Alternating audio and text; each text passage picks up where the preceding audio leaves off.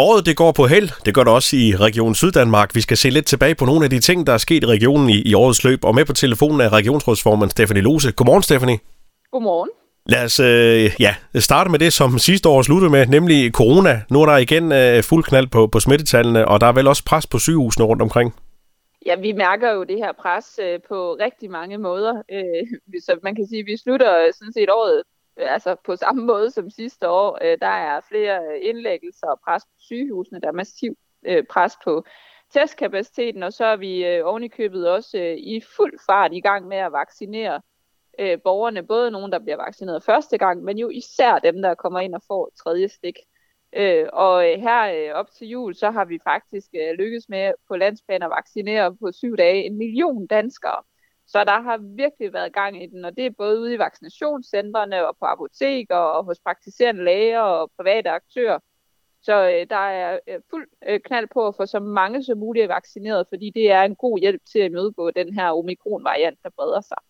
Men Stefanie, der er lidt øh, mangel på, på hænder. Man kunne godt bruge nogle flere til, til at hjælpe med de her ting.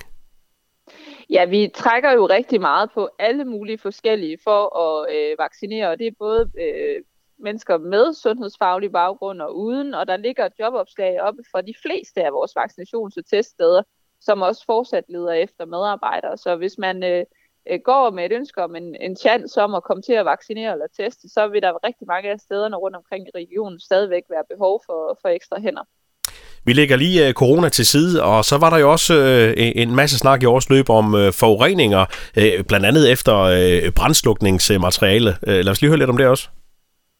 Ja, der er sikkert nogen, der har hørt de her historier om, at der, hvor man har, øh, haft, har for eksempel haft brændskoler, eller på anden måde har haft øh, brandslukningsskum lagt ude, der er der forureninger med det, der hedder øh, PFAS, øh, og øh, det er især i kursør, det er udsprunget, og så er det så spredt sig til hele, øh, hele landet, og, og nu finder man så PFAS i, i mennesker nogle steder, og det er de her PFOS det er, det er et fluorstof, øh, som øh, kan have konsekvenser for, for sundheden hos mennesker. Og øh, derfor så har vi i Region Syddanmark sammen med kommunerne og ejendomsstyrelsen og Miljøstyrelsen været ude og identificere de brandøvelsespladser, der er, har været eller er her i regionen, som kunne være forurenet.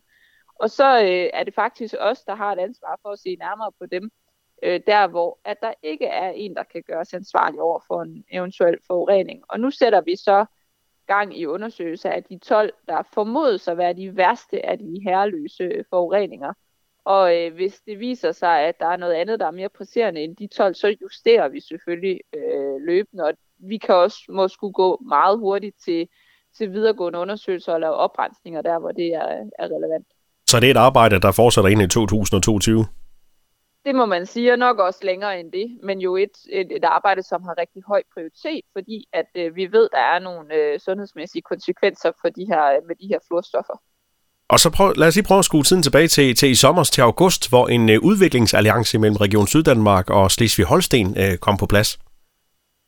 Vi har jo et rigtig godt samarbejde med Slesvig-Holsten og har også haft det historisk, og nu er vi så i fællesskab. Jeg var nede og besøge delstatsregeringen og ministerpræsident Daniel Günther her i august, og der har vi sammen skrevet under på, at vi vil starte en udviklingsalliance, som skal styrke grænseregionen i den nationale og globale konkurrence om udviklingsmidler, og talenter og kvalificeret øh, arbejdskraft.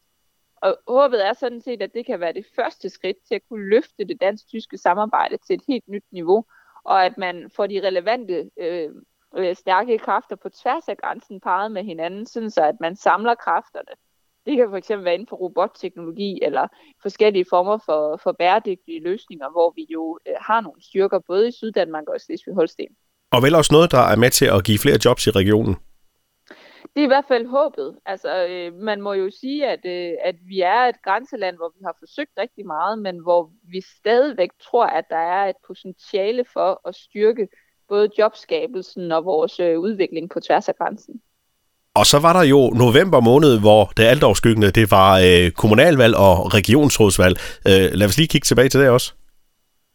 Ja, det er ikke så lang tid siden. Det var den 16. november, øh, hvor at der var en øh, 1,2 millioner syddanskere, som kunne gå ned og stemme og fordele pladserne i regionsrådet. Og øh, vi får faktisk øh, 23 nye medlemmer af regionsrådet i Syddanmark, øh, og vi er også der, hvor næsten halvdelen, det er lige to under halvdelen i Syddanmark, som er, er kvinder, så det er også en rigtig flot øh, og fin fordeling mellem, mellem kønnene, og at de kommer fra hele regionen. Det er næsten alle kommuner, hvor der også er regionsrådsmedlemmer, der kommer fra, så det er rigtig, rigtig flot. Og så er jeg selvfølgelig personligt rigtig glad for, at, øh, at jeg igen kan få lov til at fortsætte som regionsrådsformand. Det er jeg meget, meget glad for.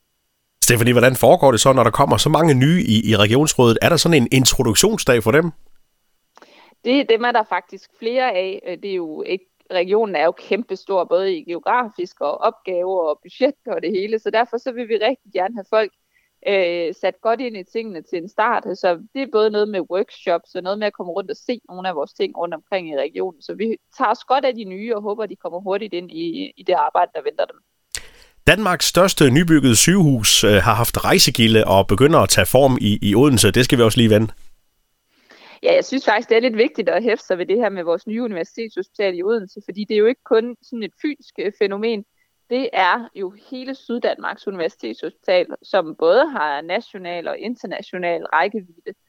Og det er simpelthen så dejligt at se, det bare øh, skyder i vejret, og at øh, der både er ved at komme øh, facader og vinduer og blevet lukket, øh, for, for taget lukket over, øh, sådan at vi nærmer os, øh, at man faktisk kan se, hvad skal det blive til. Øh, og, øh, og det skal forhåbentlig være med til at give gode rammer om behandlingen af vores patienter. Gode rammer for, at pårørende kan besøge. Gode rammer for forskning og udvikling. Og netop et, et fyrtårn både for vores sundhedsvæsen her i Syddanmark og i, i Danmark som helhed, og også med international rækkevidde. Men det er ikke næste år, det står klart. Det er først øh, en gang i, i, i sensommeren 2023. Ja, det tager lige lidt længere, end når man bygger et hus derhjemme. øh, det, det tager noget tid, øh, så vi regner med at få nøglerne i sensommeren 23.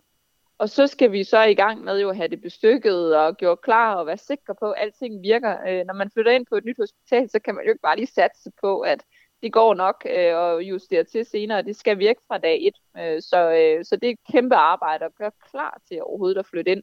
Og bagefter, så er det et kæmpe arbejde at flytte øh, så stort et sygehus og så mange patienter til nye rammer. Ja, puha, der skal nogle flyttekasser til.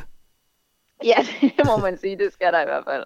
Jamen, det var bare sådan lige et kig på nogle af de, de større ting, der er sket i årsløb. Der er også sket en masse andre ting, der har været, det har været travlt år også i regionen. Kan du se frem til lidt øh, juleferie nu, Stephanie?